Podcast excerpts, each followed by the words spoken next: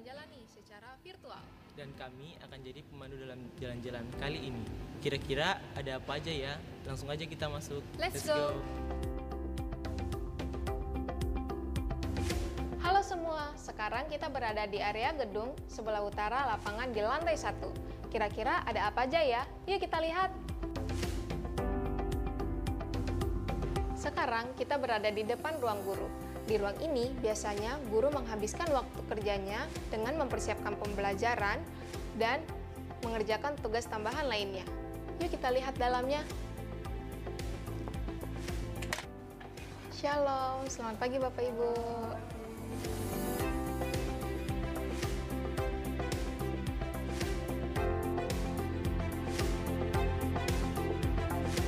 Selanjutnya, kita ada di ruang usaha nih teman-teman. Ini adalah ruang kerja tenaga kependidikan kita. Di sini kita juga bisa mendapatkan layanan fotokopi loh. Nah, kalau ini adalah ruang bendahara, bersebelahan langsung dengan ruang tata usaha. Nah teman-teman, sekarang kita ada di perpustakaan sekolah. Ini dia, perpus kita. Yuk kita lihat dalamnya seperti apa.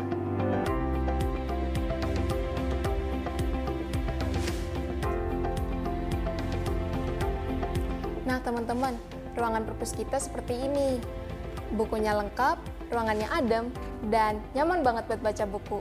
Jangan lupa ke perpustakaan kita ya. Bagi kalian yang mau baca di luar ruangan, perpus juga menyediakan ruang pojok baca loh.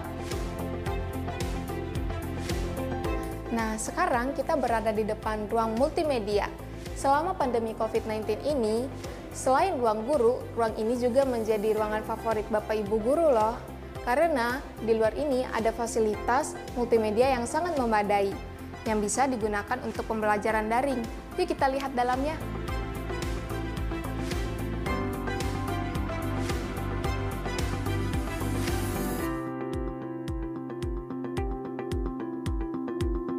Nah, di samping ruang multimedia ada ruang UKS loh yang biasa dimanfaatkan warga sekolah saat membutuhkan pertolongan pertama maupun saat terjadi kecelakaan ringan saat pembelajaran berlangsung.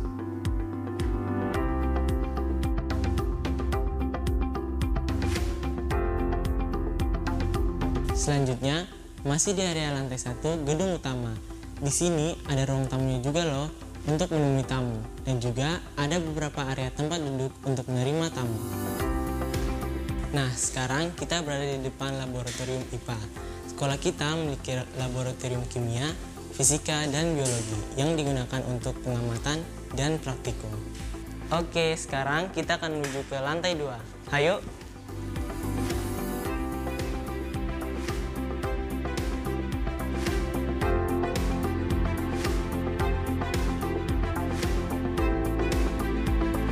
Kita sudah sampai di lantai 2. Di area ini terdapat ruang kelas, ruang guru, dan juga ruang BK.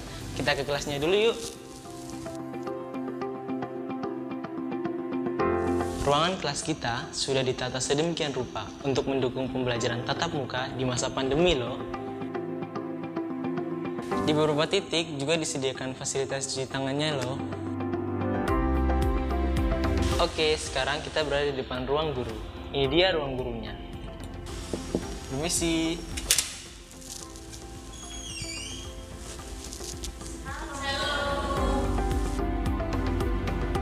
Selanjutnya, kita lihat ruang konselingnya ya. Permisi.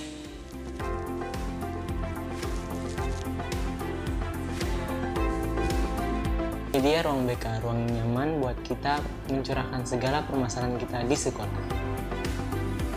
Nah, sekarang kita berada di area yang sering kita kunjungi kalau lagi lapar. Ini dia, kantin sekolah. Di tempat ini kita bisa makan sambil ngeliatin yang hijau-hijau loh.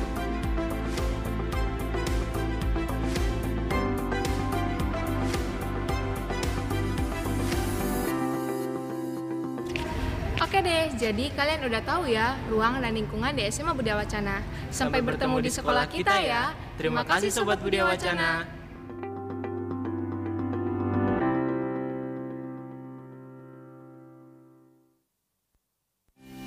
Natal sudah dekat.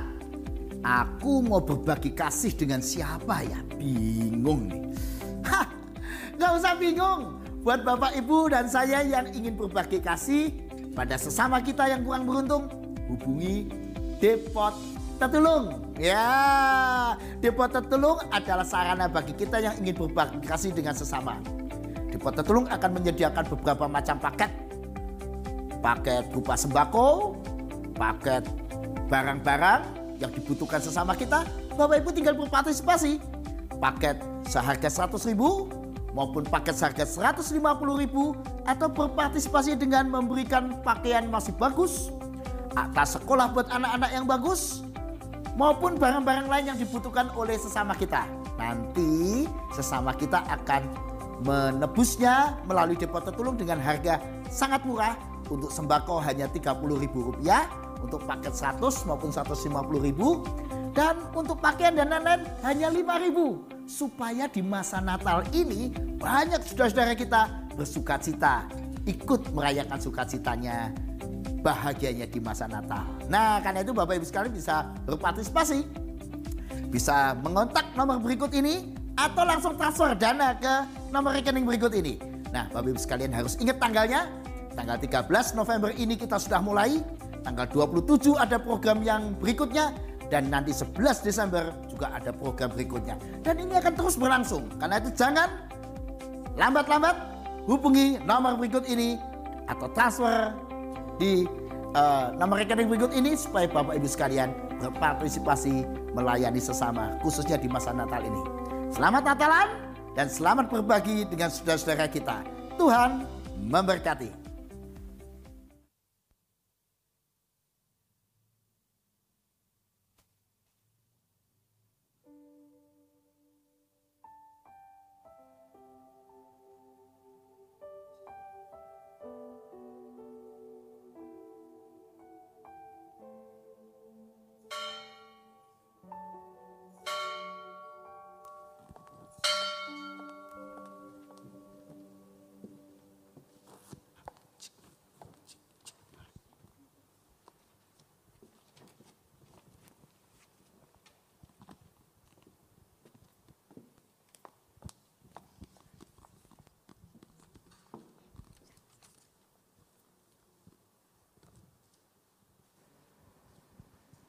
Shalom, Bapak Ibu dan saudara-saudara yang terkasih. Majelis Jemaat GKI Gejayan menyampaikan selamat datang dan selamat beribadah kepada semua warga jemaat yang hadir pada saat ini dan juga jemaat Tuhan di mana pun berada yang mengikuti siaran live streaming. Mari kita mempersiapkan diri dan hati kita untuk mengikuti ibadah pada hari ini. Bersama ini kami informasikan beberapa warta lisan sebagai berikut. Yang pertama, persekutuan doa pagi sudah dilaksanakan secara onsite setiap hari Jumat, minggu pertama dan ketiga di Garden of Prayer, mulai pukul 6.30 sampai dengan 7 WIB. Kedua, dalam kebaktian umum pada hari Minggu ini, kita akan bersama-sama memberikan persembahan syukur bulanan. Yang ketiga, tim diakonia transformatif melalui Depot Tetulung mengadakan aksi diakonia masa Advent pada bulan November dan Desember melalui kegiatan paket sembako murah dengan harga per paket Rp100.000 dan Rp150.000. Paket sembako tersebut nantinya akan dijual kepada jemaat atau masyarakat sekitar yang membutuhkan dengan harga Rp30.000 per paket. Pelaksanaan penyerahan sembako murah pada tanggal 11 Desember 2021. Kami mengajak Bapak Ibu Saudara untuk berbagi kasih dengan sahabat Tetulung melalui depot Tetulung dengan cara menjadi donatur untuk aksi diakonia pada masa Advent ini. Mari kita memaknai Natal tahun ini dengan bergandeng tangan membantu sesama. Yang keempat, berkaitan dengan pelaksanaan ibadah umum, maka jemaat dihimbau untuk memakai masker KN95 atau sesuai aturan pemerintah. Double masker, yaitu masker medis dengan masker kain. Penggunaan facial tidak diwajibkan bagi jemaat selama beribadah. Penggunaan facial dan masker medis secara bersamaan hanya wajib bagi petugas ibadah saja. Kelima, tim gebetan mengajak Bapak Ibu Saudara untuk dapat berbagi kasih kepada jemaat yang masih membutuhkan paket vitamin dan paket bahan pangan. Bagi jemaat yang rindu berbagi, dapat berpartisipasi dalam bentuk barang maupun dana. Yang keenam, jemaat dapat melihat warta jemaat dan katalog tetulung secara lengkap dengan melihat akun atau link media sosial GKI Gejayan. Ibadah pada hari ini dengan tema ibadah Let's Rejoice and Sing, The Lord will visit soon. Bersukacita dan bernyanyilah, Tuhan segera melawat. Pelayan firman oleh Pendeta Ratna Indah Widyastuti. Sebelum masuk masa saat teduh, mari kita saksikan video Natal anak dan Natal remaja pemuda berikut ini. Aduh, panasnya. Uh, dinginnya ini. Eh, halo kamu musim panas. Eh, halo kakak musim dingin. Kamu kenapa? Ini tuh lagi panas loh. Ih, enggak, ini tuh lagi dingin banget. Enggak, sekarang tuh lagi panas. Kamu tuh gimana sih? Dingin tahu. Jadi yang bener tuh apa? Panas apa dingin? Eh, daripada kita sibuk cari eh, mana yang benar dingin atau panas, mendingan kita kasih info aja yuk. Info? Info apa tuh? Info tentang Natal Anak Kejayaan 2021 akan segera hadir. Serius mau ada Natal? Iya. Wah seru dong, seru, seru, seru. Jadi, jadi, Kakak musim panas mau tahu temanya apa? ah pasti temanya tentang musim panas dong. Enggak, no no no, bukan. Terus? Temanya itu tentang good news in every season. Wah, apa tadi? Apa coba ulang sekali lagi? Good news in every season.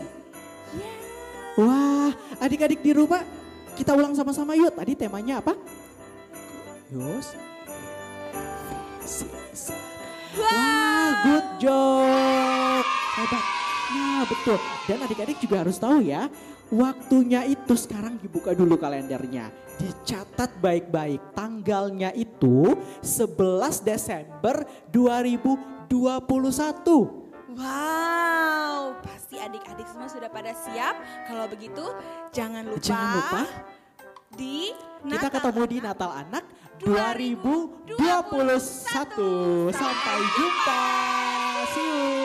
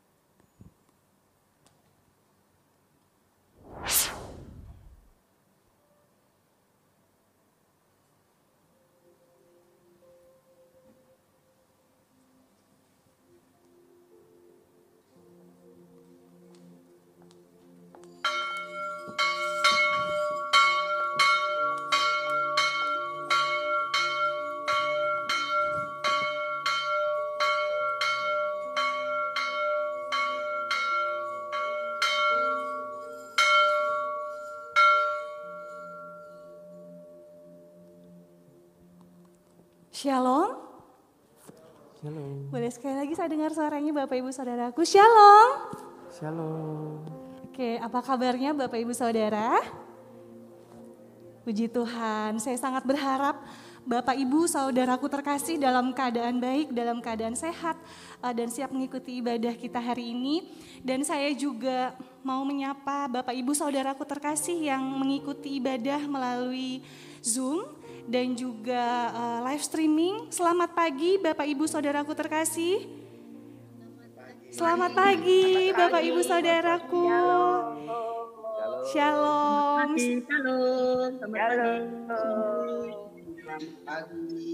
Iya selamat pagi Bapak Ibu saya berharap Bapak Ibu Saudara dalam keadaan sehat dan siap mengikuti ibadah hari ini dan kita memasuki uh, minggu Advent kedua. Baik Bapak Ibu Saudara, ibadah minggu ini dikemas dengan liturgi yang khusus Bapak Ibu Saudara bisa melihat di depan ada gambar biola dan hari ini kita uh, diiringi oleh uh, ensemble uh, dari biola dan akan terus memuncak ibadah kita pada saat nanti uh, hari Natal seperti itu. Baik Bapak Ibu Saudaraku, uh, mari semua kita dengan kerinduan hati kepada Tuhan, kita menyambut kedatangannya Surya Maha Kasih yang akan melawat umatnya.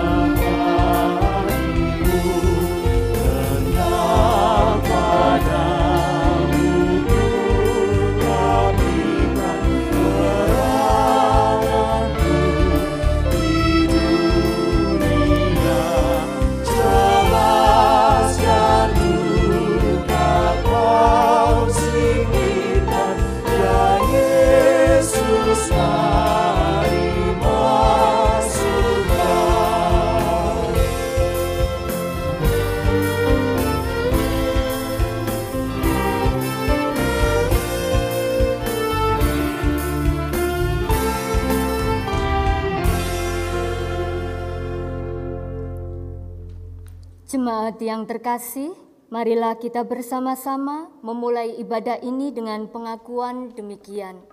Pertolongan kita adalah di dalam nama Tuhan yang menjadikan langit dan bumi, yang kasih setianya tetap untuk selama-lamanya, yang memelihara umat manusia di tengah pergumulan dan goncangan kehidupan. Amin.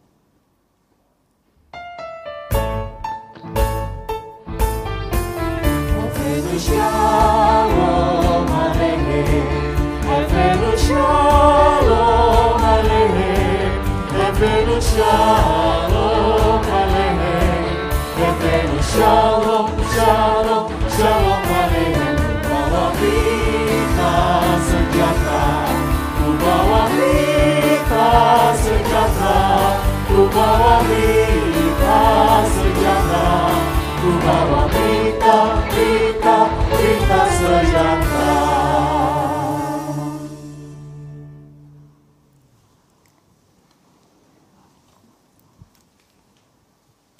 Selamat pagi Bapak Ibu yang terkasih di dalam Tuhan. Shalom.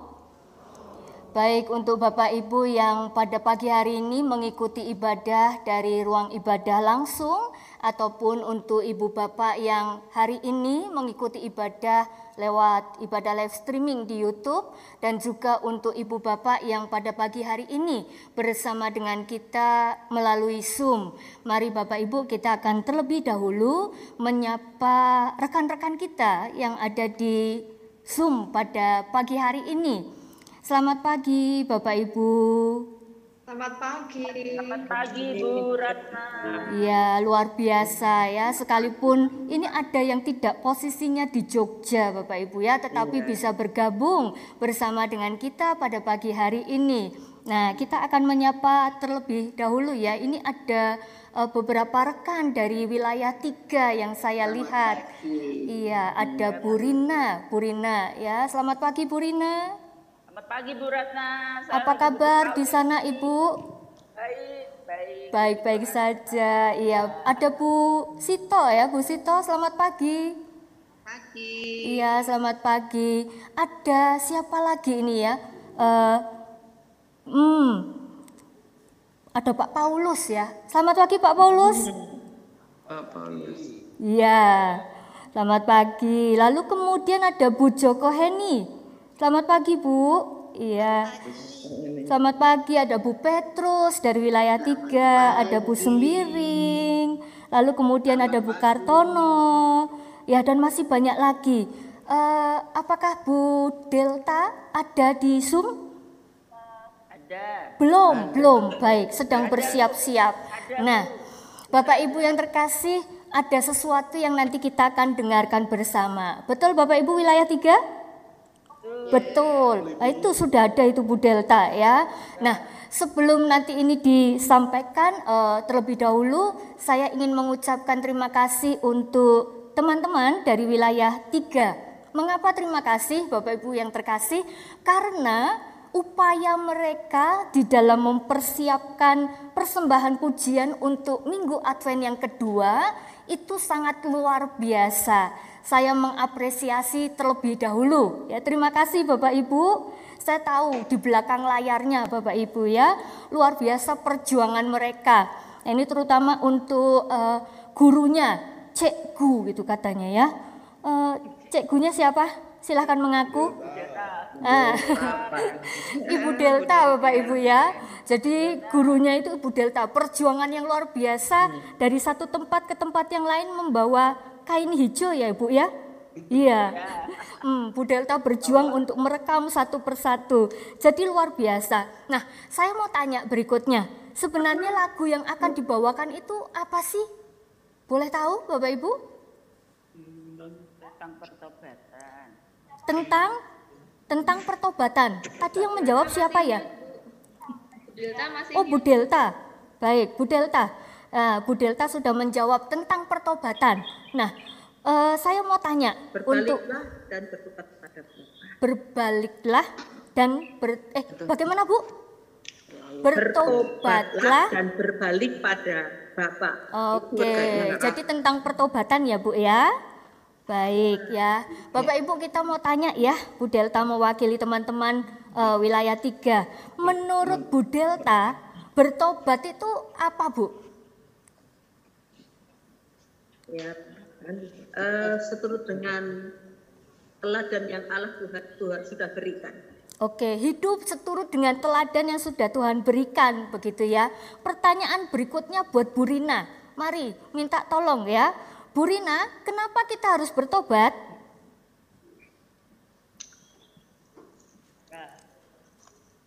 Kenapa Bu?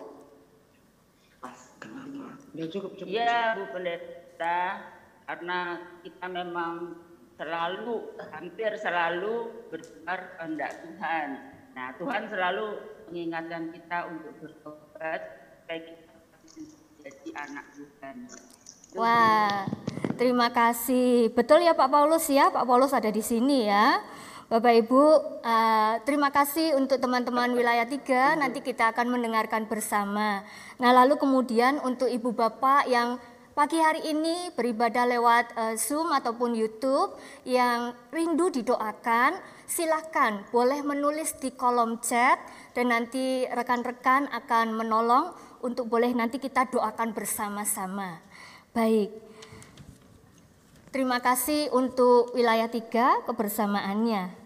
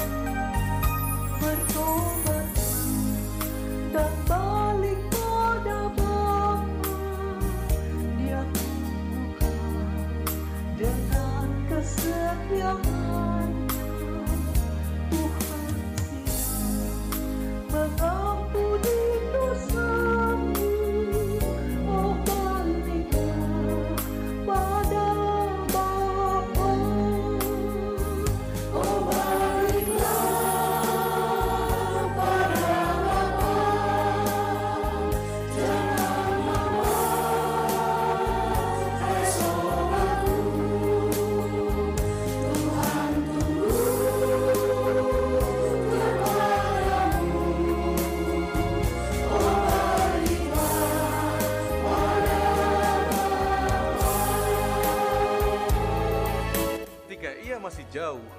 Ayahnya telah melihatnya, lalu tergeraklah hatinya oleh belas kasihan. Ayahnya itu berlari mendapatkan dia lalu merangkul dan mencium dia. Kata anak itu kepadanya, Bapa, aku telah berdosa terhadap sorga dan terhadap Bapa. Aku tidak layak lagi disebutkan anak Bapa. Tetapi ayah itu berkata kepada hamba-hambanya, Lekaslah bawa kemari jubah yang terbaik, pakaikanlah itu kepadanya, dan kenakanlah cincin pada jarinya, dan sepatu pada kakinya. Dan ambillah anak lembu tambun itu, sembelihlah dia, dan marilah kita makan dan bersih bersukacita, sebab anakku ini telah mati dan menjadi hidup kembali. Ia telah hilang dan didapat kembali. Kembali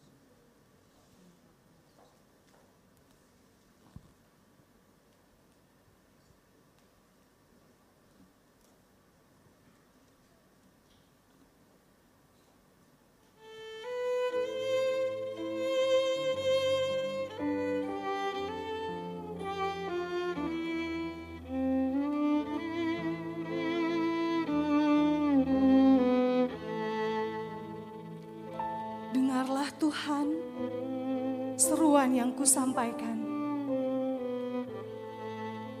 Kasihanilah aku dan jawablah aku.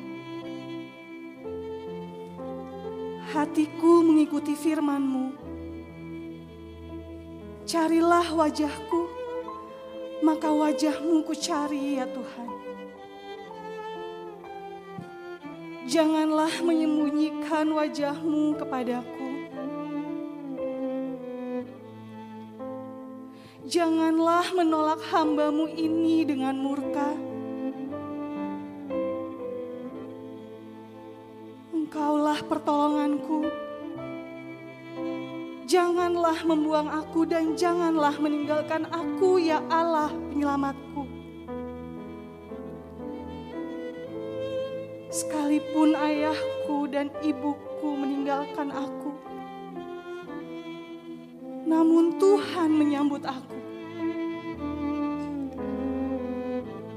Tunjukkanlah jalanmu kepadaku ya Tuhan. Dan tuntunlah aku di jalan yang rata oleh sebab seteruku.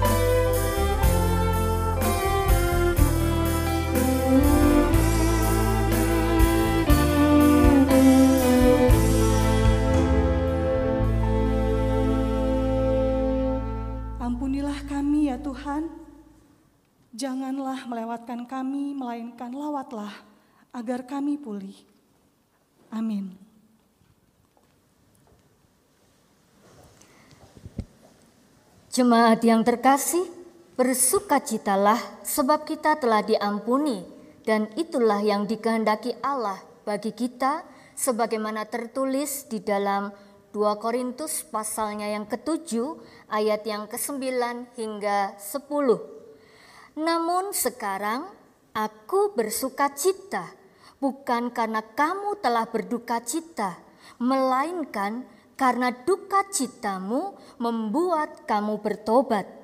Sebab duka citamu itu adalah menurut kehendak Allah, sehingga kamu sedikit pun tidak dirugikan oleh karena kami. Sebab duka cita menurut kehendak Allah menghasilkan pertobatan yang membawa keselamatan dan yang tidak akan disesalkan, tetapi duka cita yang dari dunia ini menghasilkan kematian. Demikianlah berita anugerah dari Tuhan. Syukur kepada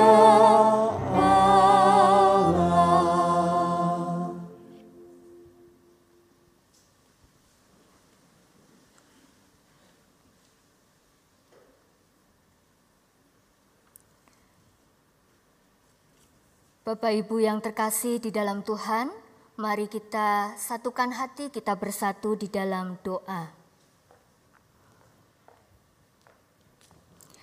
Tuhan Allah Bapa, terima kasih kembali kami datang di hadapan-Mu. Kami boleh melihat dan merasakan setiap kebaikan dan juga kasih dari Tuhan yang terus Tuhan nyatakan di dalam kehidupan kami. Terima kasih untuk pengampunan yang senantiasa tersedia bagi kami.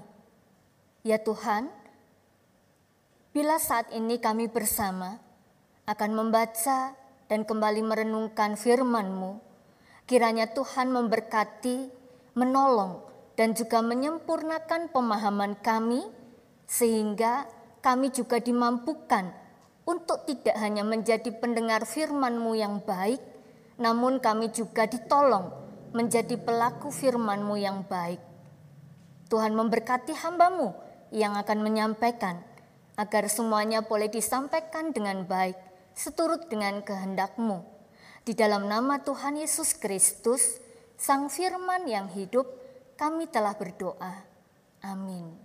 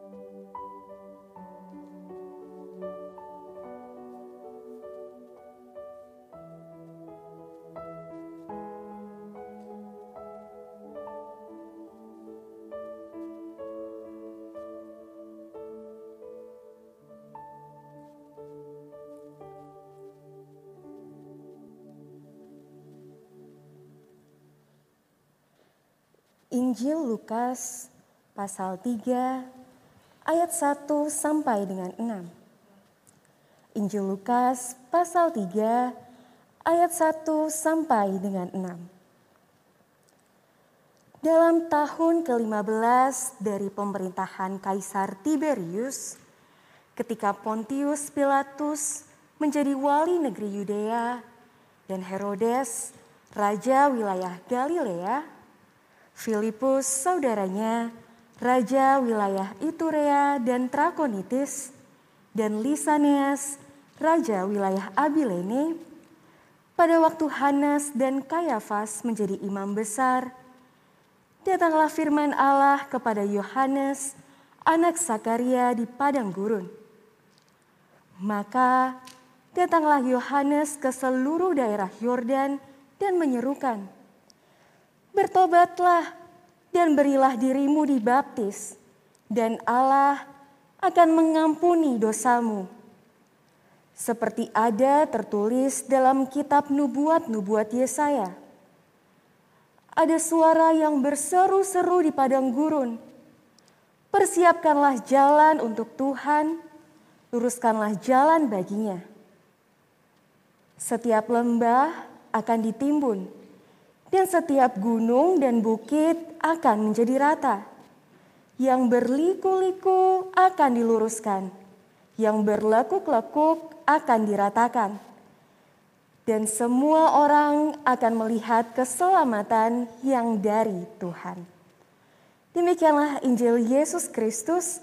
Berbahagialah saudara yang menerima berita Injil, menyimpan dalam hati, dan menerapkannya dalam hidup sehari-hari. Maranatha.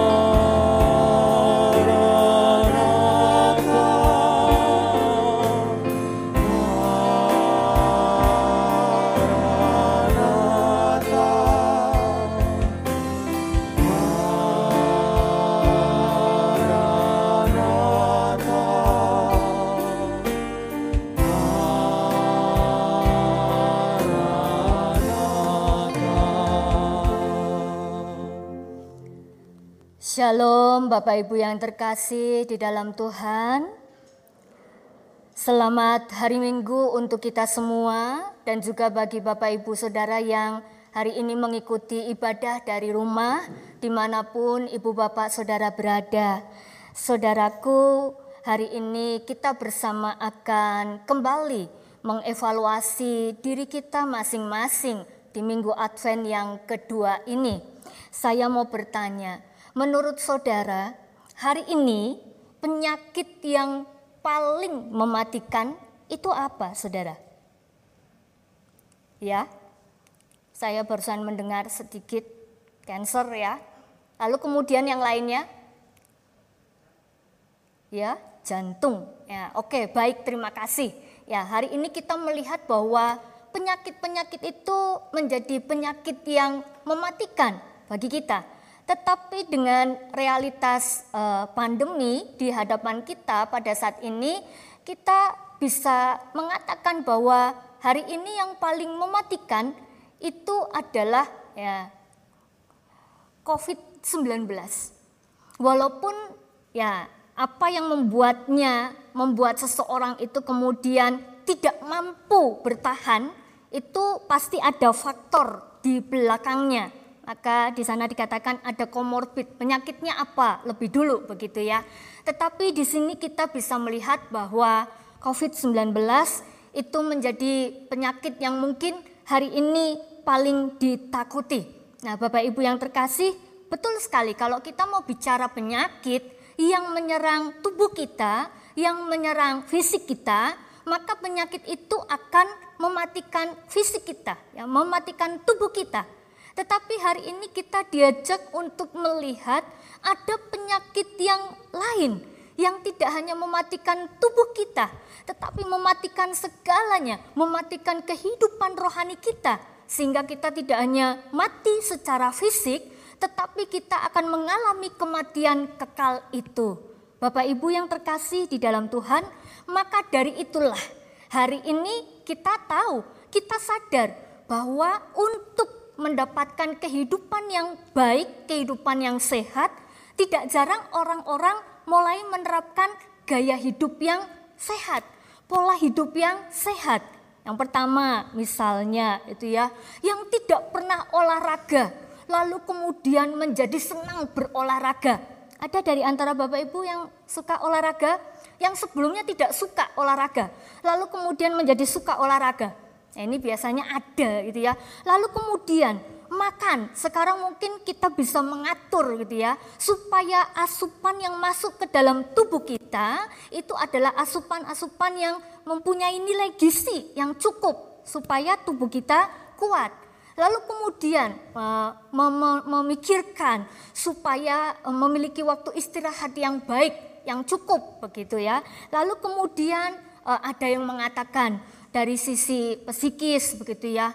Jadi kalau ada pikiran itu dibuat uh, rileks begitu ya. Karena itu juga akan mempengaruhi daya tahan tubuh kita. Lalu yang terakhir ya kita bisa tahu bahwa kita mengikuti uh, program vaksin dan juga seterusnya. Hari ini kita ibadah pun menggunakan prokes yang sangat ketat sekali. Nah, tetapi catatannya adalah di bawah situ saudara, itu semua tidak kemudian menjadikan kita, menjadikan saudara dan juga saya kemudian kebal terhadap yang namanya penyakit. Buktinya apa gitu ya? Buktinya sekalipun kita sudah menjaga segala sesuatunya, mungkin ada yang pernah mengalami, pernah pernah terkena, terpapar seperti itu. Nah, Bapak Ibu yang terkasih, demikian juga di dalam kehidupan kita sebagai orang percaya. Sekalipun saudara dan saya sudah menjaga sedemikian rupa, bahkan setiap langkah kehidupan itu kita perhitungkan dengan baik, namun itu semua juga tidak kemudian menjadikan saudara dan saya menjadi orang yang imun terhadap dosa Bapak Ibu. Jadi kita bisa sekali waktu, sewaktu-waktu kita bisa jatuh di dalam dosa. Dan yang menariknya saudara, kita akan melihat terlebih dahulu apa yang disampaikan oleh Yohanes Pembaptis pada waktu itu. Ya, kita akan lihat dulu uh, konteks kehadiran Yohanes Pembaptis pada saat itu karena ini menarik saudara ya. Yang pertama Yohanes Pembaptis itu hadir di tengah kehidupan bangsa Yahudi, bangsa pilihan itu ketika mereka dalam kondisi terjajah secara politik. Bayangkan Bapak Ibu ya, seorang yang hidup di dalam penjajahan, di dalam rumahnya sendiri. Tentu itu menjadi sesuatu yang sangat menyiksa. Keinginan orang itu ketika dia terkurung, maka pasti menginginkan yang namanya kebebasan. Lah ini terkurung di rumahnya sendiri sebagai bangsa pilihan. Nah, itu yang terjadi kondisinya. Yang pertama begitu ya. Lalu kemudian yang berikutnya kita bisa melihat bahwa kalau mereka sudah terkungkung secara politis begitu ya, mereka juga pasti punya kerinduan paling tidak tidak terjajah atau terkungkung di sisi yang lain. Namun ternyata tidak ya saudara, mereka pun secara agama ternyata mereka juga sama. Mereka mengalami ketertindasan. Mereka punya harapan yang besar kepada siapa? Kepada para imam besar yang saat itu memimpin, yang saat itu ada. Mereka menaruhkan harapan yang luar biasa kepada Hanas dan juga kepada Kayafas. Namun yang terjadi apa? Mereka tidak berkutik, mereka tidak mampu bergerak, mereka tidak bisa melawan. Nah, saudaraku yang dikasih oleh Tuhan, di dalam peristiwa inilah Yohanes Pembaptis tampil di tengah kehidupan bangsa Yahudi. Apakah itu mudah bagi seorang Yohanes Pembaptis? Saya mau katakan bahwa itu tidak mudah.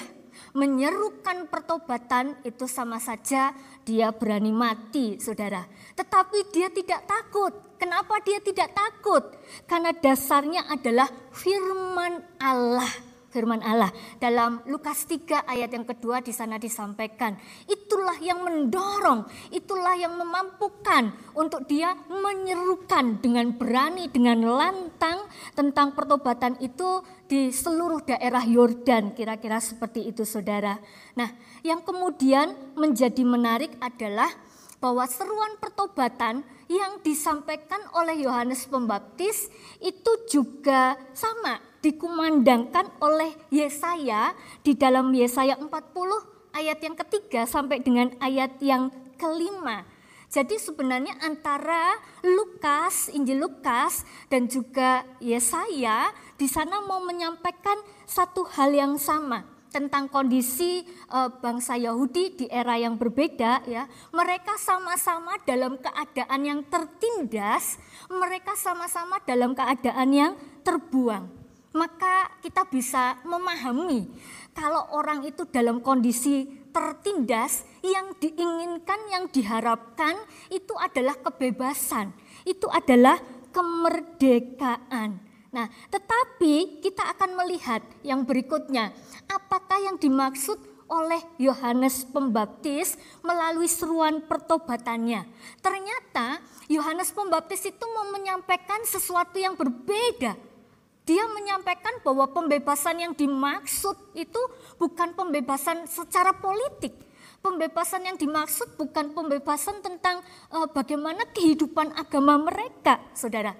Tetapi yang Yohanes serukan itu adalah pertobatan yang sejati. Jadi pembebasan yang sejati. Nah, di sinilah saudaraku kita kembali diingatkan. Tadi sudah disampaikan oleh teman-teman dari uh, wilayah tiga ya tentang bertobat begitu ya. Nah, apakah itu bertobat, saudara? Kita tentu sudah tahu ya apa itu definisi dari bertobat. Tetapi memang tidak mudah untuk menerapkannya dalam kehidupan kita. Bertobat itu artinya berubah Berubah itu bagaimana? Nanti kita akan lihat kembali saudara ya. Berubah apanya? Berubah cara berpikirnya, berubah cara mengambil keputusannya, berubah cara hidupnya ya. Dan tentunya berubahnya ke arah yang lebih baik. Bukan justru mundur ke arah yang jelek. Itulah yang diharapkan dari yang namanya pertobatan. Dan satu yang perlu kita kembali garis bawahi bahwa yang namanya pertobatan itu terjadi atau berlangsung secara terus menerus. Nah ini, lalu kemudian catatan yang berikutnya, saudaraku, kita bisa melihat bahwa yang disampaikan oleh Yohanes Pembaptis di dalam teks kita. Injil Lukas pada pagi hari ini pertobatan itu kemudian uh, uh, dikaitkan dengan penyerahan diri. Penyerahan diri melalui baptisan. Bertobatlah dan berilah dirimu dibaptis dan seterusnya saudara. Jadi ini menjadi catatan yang penting juga itu ya. Pertobatan kemudian penyerahan diri itu adalah kunci dari pembebasan yang sesungguhnya Nah, di sini kita mau lihat dulu itu ya. Ini perbedaannya. Jadi eh, yang dimaksud dengan Yohanes Pembaptis tentang apa itu pertobatan dan dengan konteks pada zaman itu, Saudara. Yang pertama adalah kalau Yohanes Pembaptis mengatakan bertobat itu kuncinya ada pada penyerahan diri. Ketika orang itu menyerahkan diri kepada Tuhan, maka dia sudah berserah total dia itu memberikan dirinya kepada Tuhan. Tuhan mau mengaturnya seperti apa, Tuhan mau menata, membentuk hidupnya seperti apa, itu adalah kehendak Tuhan. Ya, tetapi kemudian kita bisa melihat bahwa konteks zaman itu yang namanya bertobat itu selalu dikaitkan dengan ritual korban persembahan hewan korban, saudara. Jadi ini yang perlu kita tahu ya, ada nilai yang berbeda yang mau disampaikan. Karena Yohanes Pembaptis berbicara dengan konteks pada waktu itu. Sehingga dia mau mengatakan bahwa pertobatan yang sesungguhnya yang aku maksud itu adalah penyerahan dirimu ya pengorbanan dirimu. Bukan korban hewan korban yang dipersembahkan itu, saudara. Jadi ini ada nilai yang luar biasa ya. Di situ maka uh, akan ada pembebasan dari Allah. Ya, sekalipun juga di dalam konteks pada zaman itu mereka juga memahami dengan membawa korban persembahan mereka juga akan mendapatkan pembebasan dari Allah. Nah saudaraku yang terkasih ada tiga poin penting yang mau disampaikan oleh Yohanes Pembaptis, terutama kalau dulu untuk eh, orang-orang pada masa itu, maka kini itu untuk saudara dan saya. Yang pertama, poin yang pertama adalah berubah. Nah ini, berubah itu bukan sesuatu yang mudah. Apa yang akan saudara lakukan? Kalau saudara sakit, apa yang akan saudara lakukan? Kalau saudara melihat istri, suami, anak, orang tua saudara saat ini sedang sakit. Apa yang akan segera kita lakukan? Kita pasti akan cari obat, saudara. Kita akan memberi obat. Tetapi kemudian bagaimana ketika obat yang diminumkannya pun tidak memberikan efek sedikit pun. Apa yang akan saudara lakukan? Misalnya panas begitu ya. Dia demam, sudah diberi obat menurun panas tapi tidak turun juga. Saudara, kita pasti kalut ya kita pasti akan segera pergi ke dokter atau pergi ke rumah sakit terdekat.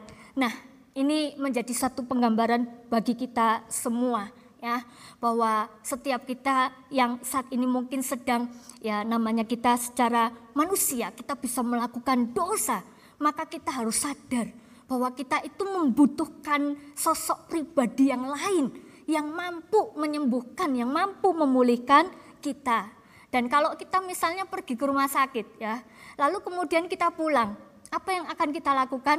Kan kita tidak mau sakit ya, tidak mau sakit. Kemarin baru pulang dari rumah sakit, besok pulang sudah sakit lagi, itu kan tidak mau begitu. Jadi otomatis kita akan menjaga diri kita supaya kita tidak sakit lagi. Ya, jadi kita akan melakukan sebuah perubahan itu ya, perubahan supaya kita tidak mengalami sakit lagi. Jadi kita tentunya uh, semestinya menerapkan pola hidup sehat ya, pola hidup yang baik di dalam kehidupan kita. Karena apa, Saudara? Karena di sini kita mau melihat yang namanya dosa. Dosa itu merusak dan luar biasa merusak. Kita harus sadar bahwa kerusakan yang ditimbulkan itu besar sekali, besar sekali. Yang pertama saya mau tunjukkan ya, dosa itu merusak hubungan kita dengan Tuhan, saudara. Ya, dosa itu menjauhkan kita dari Tuhan. Dosa membuat kita lari dari persekutuan. Dosa membuat kita lari dari peribadahan. Dosa membuat kita lari dari Tuhan. Dosa menghilangkan damai sejahtera. Adakah dari antara kita yang habis berbuat dosa lalu kemudian damai sejahtera? Wah itu luar biasa ya saudara. Biasanya kalau kita sudah melakukan kesalahan, maka biasanya kita akan merasakan tidak damai saudara. Itu yang pertama.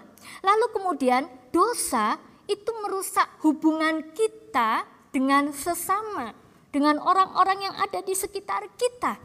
Dosa yang menghancurkan hubungan antara orang tua dengan anak, Dosa menghancurkan hubungan antara pasangan suami istri. Dosa yang menghancurkan hubungan antara rekan sepelayanan. Dan masih banyak yang lain lagi.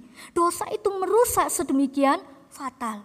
Nah, lalu kemudian bahkan dosa juga merusak hubungan kita dengan alam. Nah, digambarkan seperti apa oleh Yohanes Pembaptis di dalam Injil Lukas pada pagi hari ini digambarkan dosa itu seperti lembah, seperti gunung, seperti bukit, jalan yang berliku-liku dan jalan yang berlekuk-lekuk. Saudara, kita bisa bayangkan ya, lebih enak mana kalau kita berkendara atau kita jalan di jalan yang lurus seperti misalnya jalan tol gitu ya atau kita harus naik gunung kita turun lewat lembah begitu ya lalu kemudian nanti berbelok-belok gitu Contohnya sederhana deh.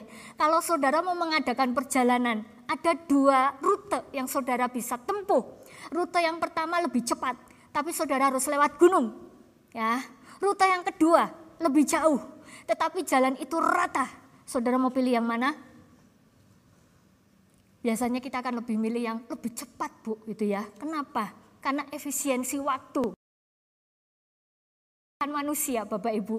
Yang dipilih itu justru yang bergunung, yang lembah, yang berliku-liku gitu ya, yang berlekuk-lekuk jalannya. Nah, Bapak Ibu yang terkasih, uh, kalau kita mau lihat gitu ya, kalau dosa itu digambarkan dengan lembah, maka kita bisa melihat mungkin kita memiliki lembah-lembah itu, Saudara.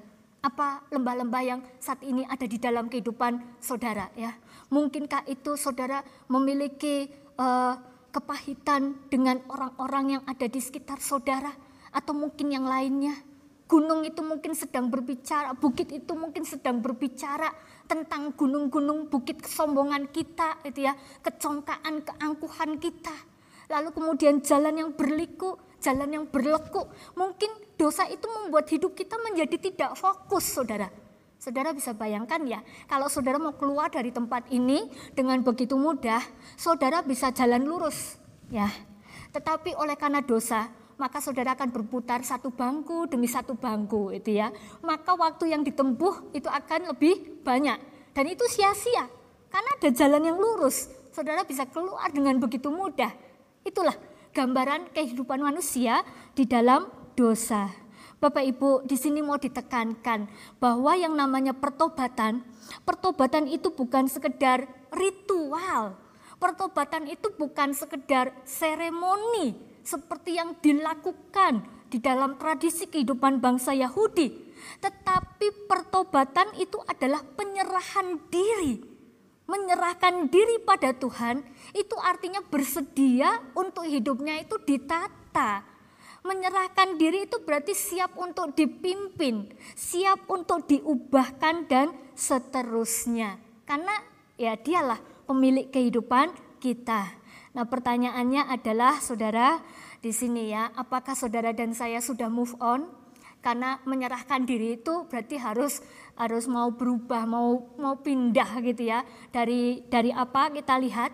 Dari hidup yang lama menuju ke hidup yang baru ya Tentunya itu tidak tidak enak Saudara. Bagaimanapun juga contoh kalau kita punya baju lama dengan baju yang baru. Saudara pasti lebih suka dengan baju yang lama. Karena baju yang lama itu lebih nyaman biasanya saudara ya. Untuk baju yang baru kita membutuhkan penyesuaian. Tapi mungkin ada juga yang senang gitu ya. Ih besok pakai baju baru begitu kira-kira. Nah saudaraku hidup lama berubah menjadi hidup yang baru. Lalu kemudian berani berpindah dari zona nyaman menuju ke zona yang tidak nyaman. Karena hidup di dalam dosa, di dalam jerat dosa, itu adalah satu kehidupan yang biasanya menawarkan kenyamanan dunia. Tetapi ketika kita mau berubah, maka kita berani mengambil sikap keluar dari zona nyaman itu. Ya, teman-teman yang kuliah, yang sekolah itu kan. Hari ini kalau kita mau di zona nyaman, maka kita bisa melakukan banyak cara. Tetapi kalau teman-teman mau berubah keluar dari zona zona nyaman saudara, maka pasti membutuhkan upaya untuk menyelesaikan studi saudara. Ya. Lalu kemudian yang berikutnya ya, berubah itu dari kebiasaan yang buruk kepada kebiasaan yang baik. Nah, bagaimana dengan saudara dan saya? Apakah kita sudah move on? Ini poin yang pertama, saudara ya, berubah. Lalu kemudian yang berikutnya adalah poin yang kedua, itu konsisten, saudara. Konsisten itu artinya terus menerus, tidak mandek, tidak mandek. 1 Yohanes 3 ayat yang ke-6. Karena itu setiap orang yang tetap berada di dalam dia tidak berbuat dosa lagi. Setiap orang yang tetap berbuat dosa tidak melihat dan tidak mengenal dia. Nah apa yang terjadi saudara? Kalau kita tidak konsisten dengan pertobatan kita, yaitu jadinya adalah tobat tomat begitu ya. Kalau hari Minggu tobat, Senin sampai dengan Sabtu kita kumat begitu ya. Dan yang dimau itu kan bukan itu begitu saudara. Yang dimau itu adalah total atau tobat total. Total itu berarti seluruhnya Bapak Ibu ya. Tidak ada dicicil gitu ya. 50% eh, dulu gitu ya. Besok tambah jadi 75%. Tidak ada. Yang namanya total itu berarti pertobatan total ya. Jadilah Kristen total. Lalu yang berikutnya menarik saudara ya. Orang yang konsisten menjaga dirinya sendiri menjaga kesehatan dirinya sendiri, dia juga akan menjadi orang yang konsisten menjaga juga orang lain. Artinya apa? Dia akan merasa tidak nyaman ketika melihat orang lain itu tidak menjaga dirinya. Dia tentu akan menolong orang itu supaya dia ya bisa menjaga dirinya. Kenapa? Karena dia tahu bahwa itu tidak benar. Dia tahu itu sakit saudara ya. Nah yang berikutnya saya mau katakan adalah kalau dulu, kalau dulu Yohanes Pembaptis dipakai menjadi jalan untuk menyerukan pertobatan itu saudara maka jangan salah ya. Hari ini saudara dan saya kita adalah ya Yohanes Yohanes itu itu ya. Kita dipakai oleh Tuhan untuk kembali menyerukan pertobatan itu. Jadi bukan hanya kita kemudian bertobat, tetapi kita juga dipakai menjadi alat Tuhan untuk menyerukan pertobatan tersebut. Kita punya tugas itu saudara. Tugas yang harus kita sadari. Kita harus mencari kita harus hadir. Kita itu harus merangkul mereka gitu ya. Bukan malah kita menghakimi lalu kemudian kita menghukum mereka, Saudara. Bukan seperti itu. Tugas kita sebagaimana dilakukan oleh Yohanes Pembaptis yaitu merangkul mereka ya, menolong supaya mereka itu berubah.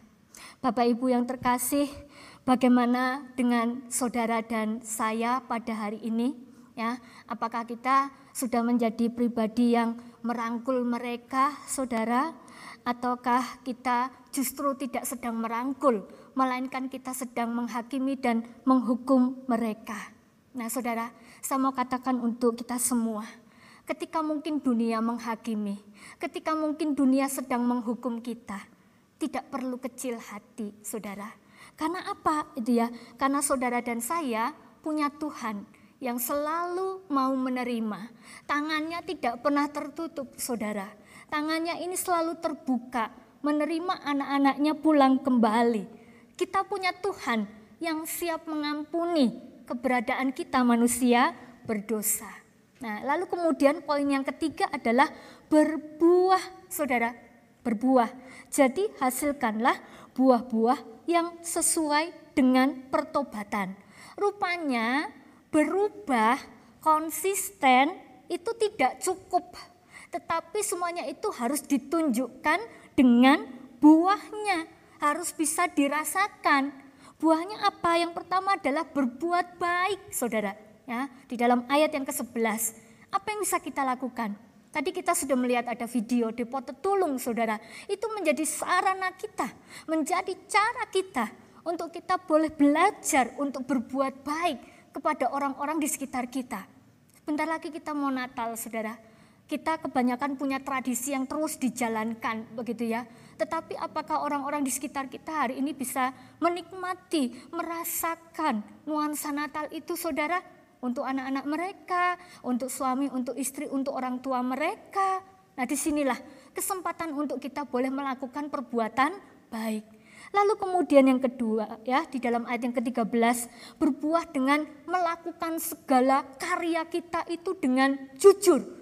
Dengan jujur kita memberikan contoh yang baik ya, kinerja yang baik, kinerja yang baik. Nah, lalu kemudian yang ketiga, berbuah itu bisa kita lakukan, kita wujudkan dengan hidup yang bersyukur, Saudara. Apa pun dan bagaimanapun keadaan kita hari ini, dalam kesulitan apa pun, Tuhan mengajak kita untuk senantiasa belajar bersyukur ya. Jadi ini adalah salah satu indikator atau ciri dari orang yang mengalami pertobatan yaitu bersyukur di dalam segala keadaan. Nah, lalu yang berikutnya adalah apa yang harus kita lakukan supaya kita dapat berubah dan berbuah. Nah ini penting saudara ya. Apa yang bisa kita lakukan? Yang pertama adalah buka diri kita. Izinkan dia masuk di dalam kehidupan saudara. Dalam kehidupan kita. Lalu kemudian yang berikutnya adalah ini catatan penting saudara. Buanglah kekasih-kekasihmu. Nama saya tuliskan kekasih gitu ya. Karena biasanya kekasih itu disayang gitu ya. Di di apa namanya uh, di disimpan gitu ya baik-baik begitu kan itulah kekasih. Tetapi ada kekasih yang justru merusak, saudara. Yang disebut dengan lembah, gunung, jalan berliku, jalan berleku itu, itu ya. Mari kita buang, kita buang.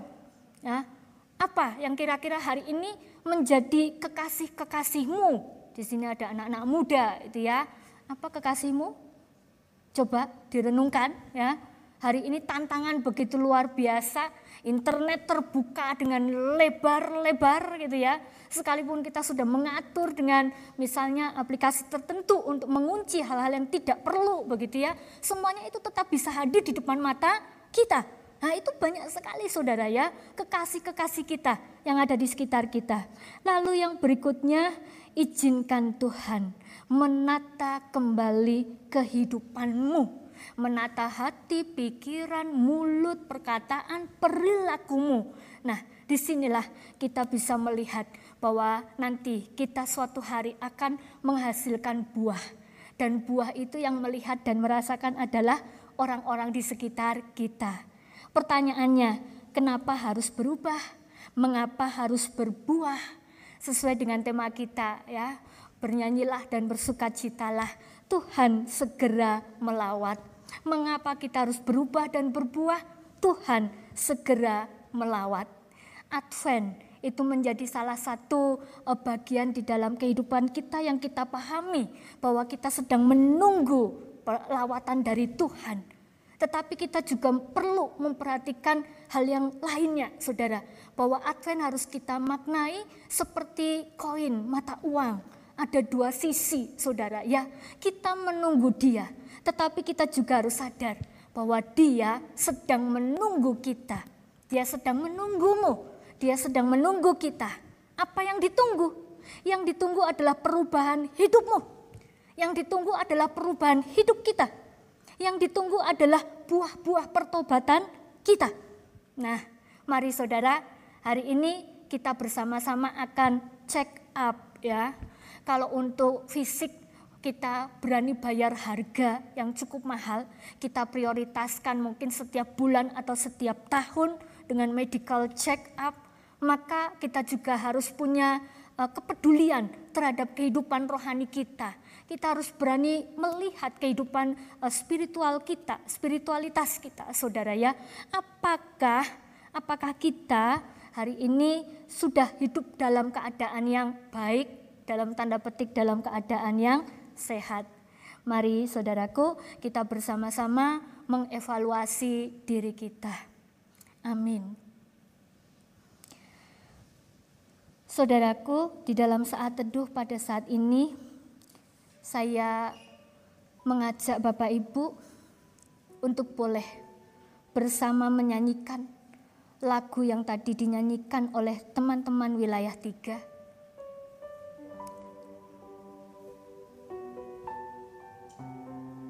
Slide-nya boleh tolong ditampilkan.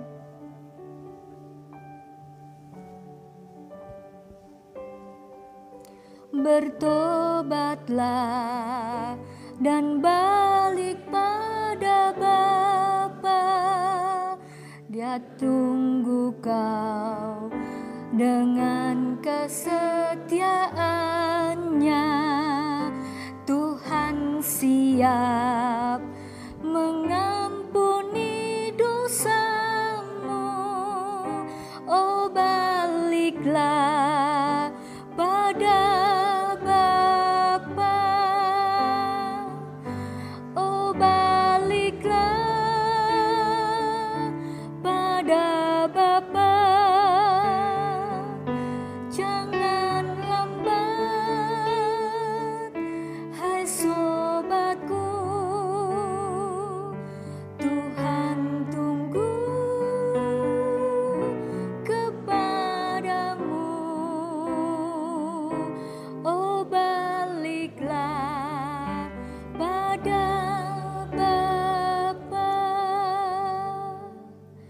Mari kita bersatu di dalam doa.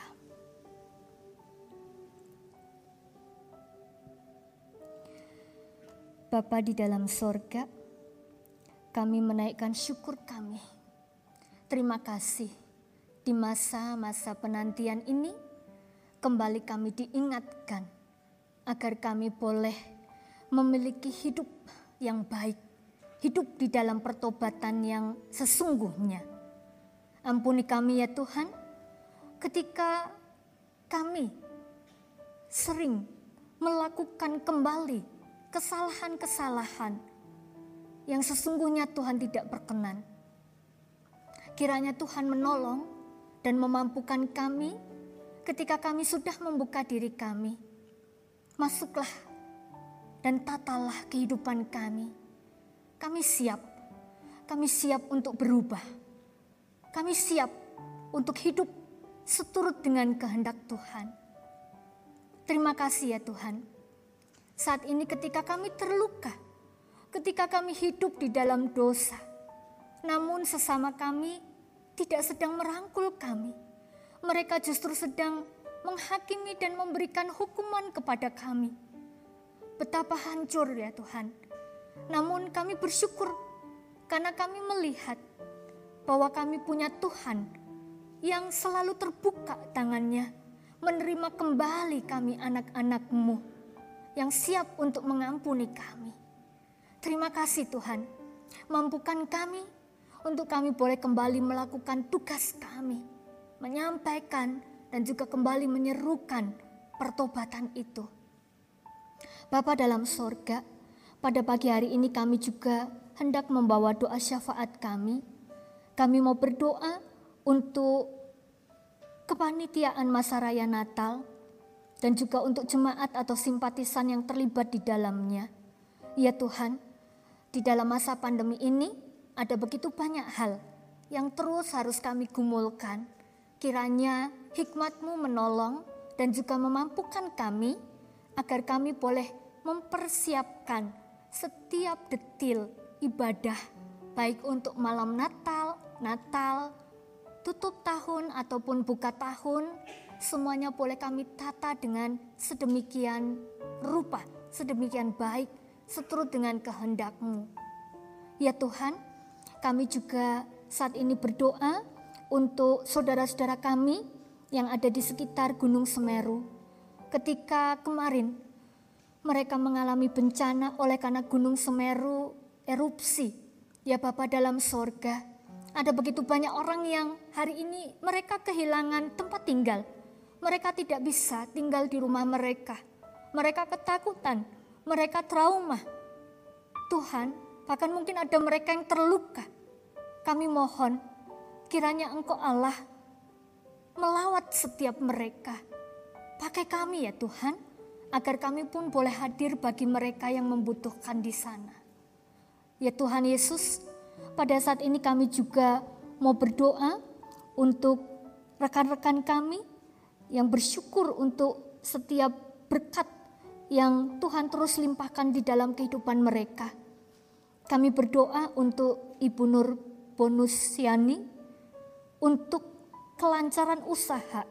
Kiranya Tuhan memberkati setiap hal yang diupayakan agar semuanya itu boleh dikerjakan dengan sukacita, menjadi berkat untuk keluarga, dan terlebih menjadi berkat untuk sesamanya. Tuhan juga kiranya memberkati saudara saudari Shana yang saat ini sedang karantina di Lombok dan akan menuju Sumbawa. Kiranya Tuhan memberikan kondisi keadaan yang terbaik sehingga saudari Shana boleh melanjutkan perjalanannya menuju ke Sumbawa. Kami juga mau berdoa untuk saudara-saudara kami yang saat ini sedang mencari pekerjaan, bergumul dengan pekerjaan. Kami berdoa untuk saudara Novendianto Rahmaan dan juga untuk saudara Gabriel Netfed. Secara khusus bagi saudara Gabriel di dalam adaptasi magang, kiranya engkau Allah menolong dia kami juga rindu berdoa untuk saudara-saudara kami yang saat ini sedang sakit atau di dalam proses pemulihan. Untuk Ibu Anna Triana dan juga secara khusus untuk pemulihan ekonomi keluarga dan juga studi anaknya. Kiranya Engkau Allah boleh memberkati dan juga hadir di dalam pergumulan mereka. Kami juga mau berdoa untuk orang tua, papa dari saudari Siti Numanderi. Ya Tuhan, kami juga mau berdoa buat saudara Beni, kami berdoa buat Bapak Sukendro, kami berdoa buat Ibu Heni, buat saudara-saudara kami yang lain yang pada hari ini mereka ada di dalam masa pemulihan. Biarlah dari waktu ke waktu saudara-saudara kami ini boleh semakin dipulihkan. Dan tak lupa kami juga berdoa untuk anak-anak terkasih kami yang hari ini ataupun minggu yang akan datang mereka akan mengikuti ujian akhir. Tuhan memberkati dan menolong agar mereka boleh melakukan uh, tugas dan tanggung jawab mereka dengan sebaik mungkin. Kami berdoa untuk saudara Jo, kami juga mau berdoa untuk anak-anak dari Ibu Susana Welo. Tuhan kiranya menolong dan memberkati mereka agar mereka boleh mengerjakan setiap tugas mereka dengan penuh tanggung jawab.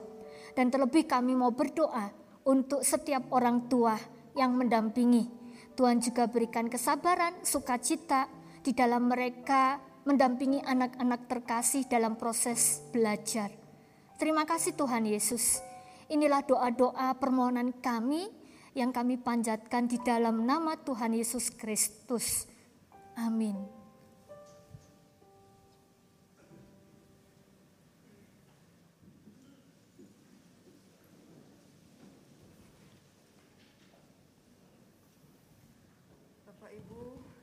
dan saudara-saudara terkasih, marilah kembali kita meneguhkan iman percaya kita dengan bersama-sama mengucapkan pengakuan iman rasuli demikian. Aku percaya kepada Allah, Bapa yang Maha Kuasa, Kalik langit dan bumi, dan kepada Yesus Kristus, anaknya yang tunggal Tuhan kita, yang dikandung dari roh kudus, lahir dari anak darah Maria, yang menderita sengsara di bawah pemerintahan Pontius Pilatus, disalibkan, mati dan dikuburkan, turun ke dalam kerajaan maut. Pada hari yang ketiga, bangkit pula dari antara orang mati, naik ke surga, duduk di sebelah kanan Allah, Bapa yang Maha Kuasa. Dan dari sana ia akan datang untuk menghakimi orang yang hidup dan yang mati. Aku percaya kepada roh kudus, gereja yang kudus dan am, persekutuan orang kudus, pengampunan dosa, kebangkitan orang mati, dan hidup yang kekal. Amin.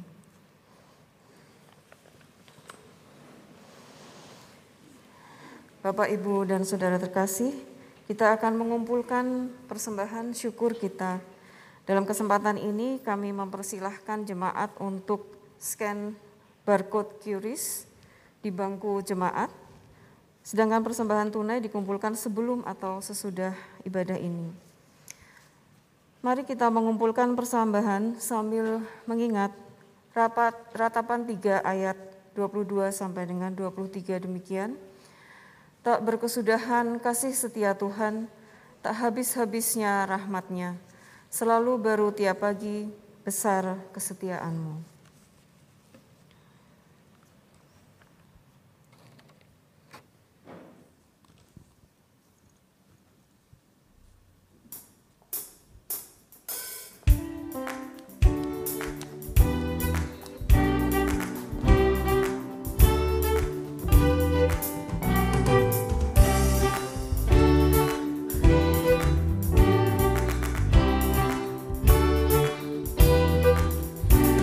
Kasih yang begitu besar. Lebih kuat dari dosa. Kasih yang menembuhkanku Selamatkan dan pulihkanku. Ku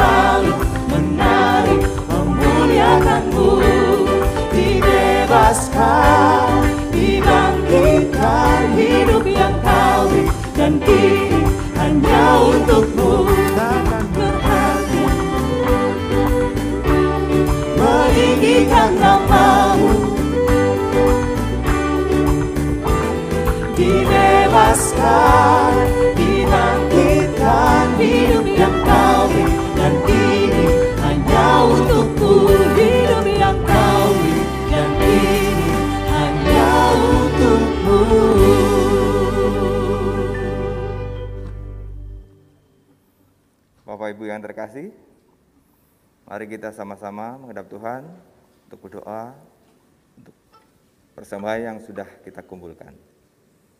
Mari kita berdoa. Sembah dan puji syukur kepadamu ya Bapa. Engkau Allah yang baik, Allah yang setia. Terima kasih Tuhan pada kesempatan pagi hari ini. Kami anak-anakmu boleh mengumpulkan persembahan yang terbaik untukmu Tuhan.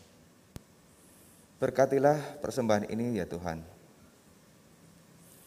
Tuhan, Engkau adalah pokok anggur. Jadilah kami ranting-rantingmu. Jadilah jemaatmu menjadi ranting yang berbuah lebat. Pakailah kami untuk kepekerjaan dan kemurahanmu ya Tuhan. Berkati majelis penatua yang menggunakan persembahanmu ini untuk kegiatan gerejamu dan pelebaran kerajaanmu. Berkatilah kami ya Tuhan. Di dalam Yesus Kristus, kami berdoa dan mengucap syukur. Amin. Bapak, Ibu, Saudaraku yang terkasih, mari kita kembali dengan meyakini di dalam Tuhan ada jaminan kebahagiaan bagi kita. Di dalam Tuhan, harapan penantian kita tidak akan sia-sia sebab Ia berkuasa.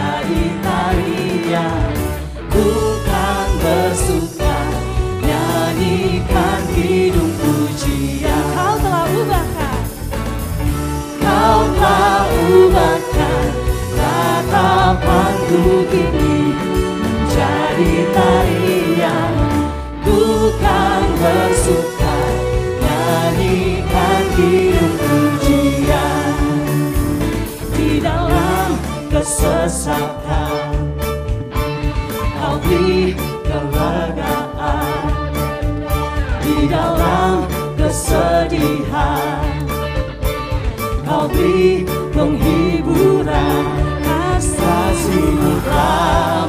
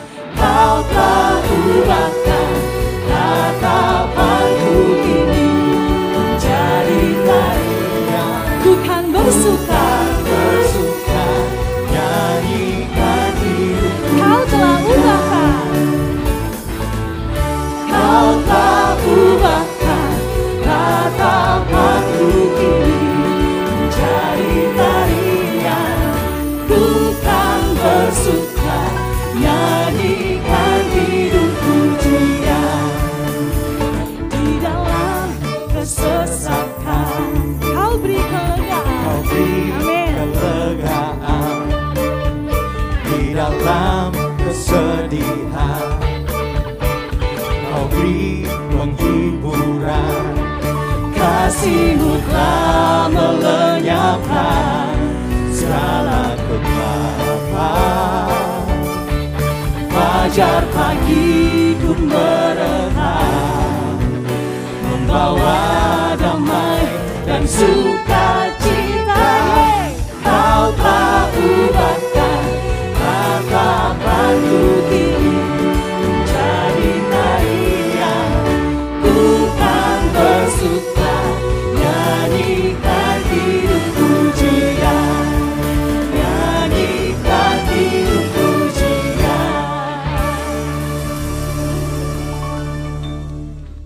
Saudaraku yang terkasih, kembalilah ke tempat saudara masing-masing dan jadilah saksinya dengan menunjukkan hidup di dalam pertobatan itu.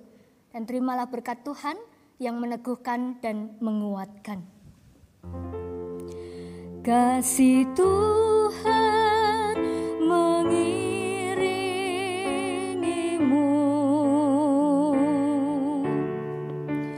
dan sayapnya melindungimu.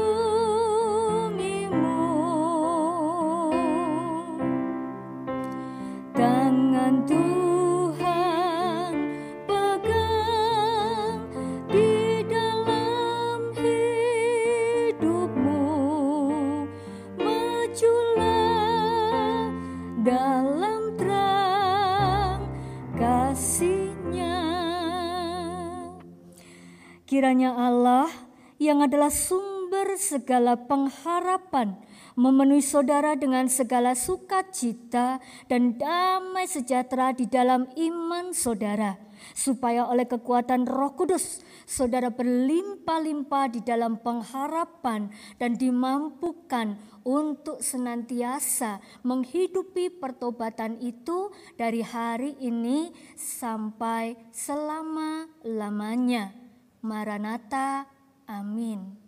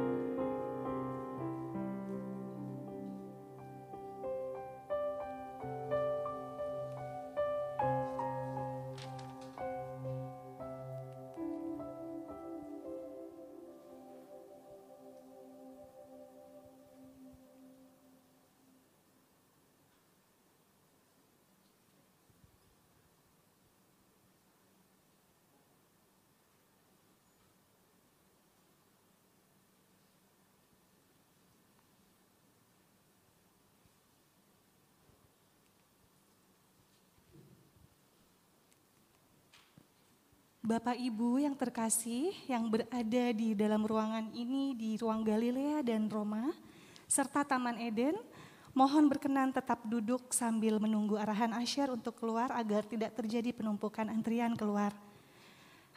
Selamat berkarya di pekan yang baru. Bapak Ibu Saudaraku terkasih, Tuhan Yesus memberkati.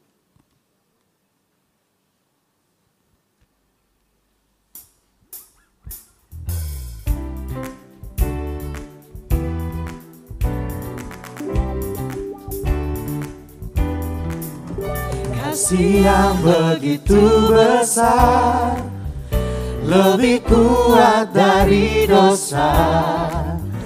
Kasih yang menemukanku. Selamatkan dan pulihkanku. Ku naikkan syukurku.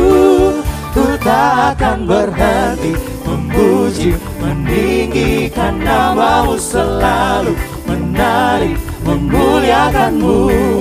Dibebaskan, dibangkitkan Hidup yang kau berikan ini hanya untukmu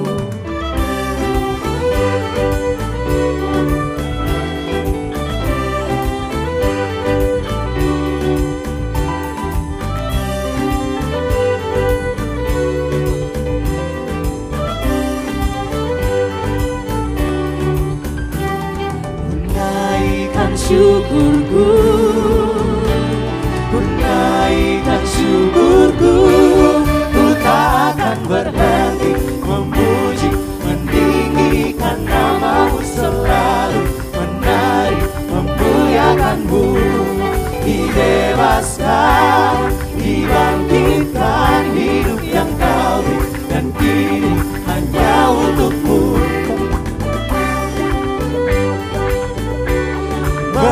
di kandang Dibebaskan, dibangkitkan hidup yang kau beri Dan kini hanya untukmu Hidup yang kau beri dan kini hanya untukmu.